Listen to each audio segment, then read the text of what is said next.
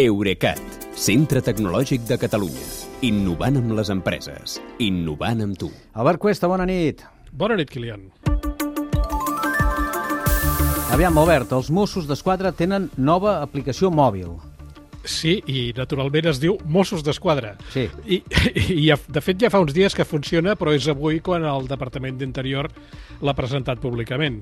Aquesta nova aplicació recull els serveis que els Mossos ofereixen digitalment hores d'ara, com la possibilitat d'informar-se per WhatsApp, correu electrònic o per telèfon en situacions de violència masclista.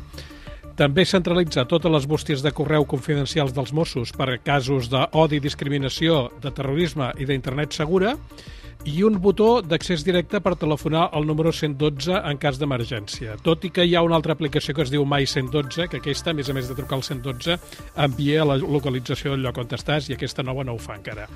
El que sí hi ha és un apartat d'avisos als ciutadans que l'usuari pot configurar segons el tipus de notificacions que vulgui rebre, que poden ser consells de seguretat, falsos rumors o estafes i també incidents de seguretat com atemptats, manifestacions amb incidents d'ordre públic greus, dispositius de grans esdeveniments i emergències i, a més, pots restringir les notificacions a la comarca que t'interessi, que normalment és la, la, allà on estàs tu.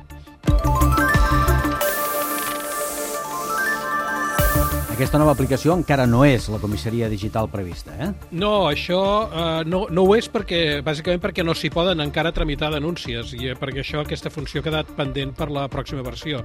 Ara sí, el que pots fer és demanar cita prèvia i com que l'aplicació està geolocalitzada, pots buscar quina és la comissaria, sigui dels Mossos o de policia local, que tens més a prop i fer que la teva aplicació de mapes t'hi porti. Un apartat que m'ha cridat l'atenció m'ha semblat curiós, eh? és el d'objectes recuperats amb intervencions policials. Ara mateix eh, hi ha 428 anells, 330 arracades, 462 penjolls i collarets i 256 rellotges, entre altres objectes. Cadascun d'ells porta el seu codi, amb quina data es va recuperar i una fotografia, de manera que si en reconeixes algun, pots omplir un formulari per reclamar-lo. eh hi ha una altra cosa que t'ha cridat l'atenció, un detall tècnic. Sí, aquesta nova aplicació mòbil dels Mossos d'Esquadra per telèfons amb sistema Android s'ha de descarregar de la Play Store de Google i la versió d'iPhone de l'App Store d'Apple. A mi primer això m'ha fet dubtar i pensava que el govern actual havia abandonat una política del govern anterior que havíem aplaudit en el seu moment, que és aquella de no crear aplicacions mòbils específiques pel, per cada sistema operatiu i fer només aplicacions web que es puguin accedir amb el navegador de qualsevol sistema. Però en realitat no és així. Tant la versió d'Android com la d'iPhone són en realitat la mateixa aplicació web i, per tant, ocupen menys memòria del telèfon, estalvien cost de desenvolupament i, fa i faciliten actualitzar el contingut.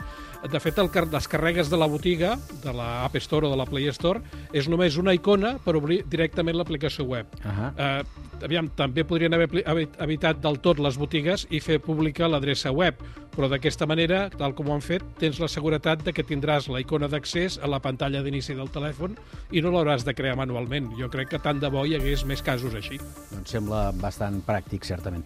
Bé, doncs escolta'm, demà més, que vagi bé, gràcies. Bona nit, Kilian. Fins demà.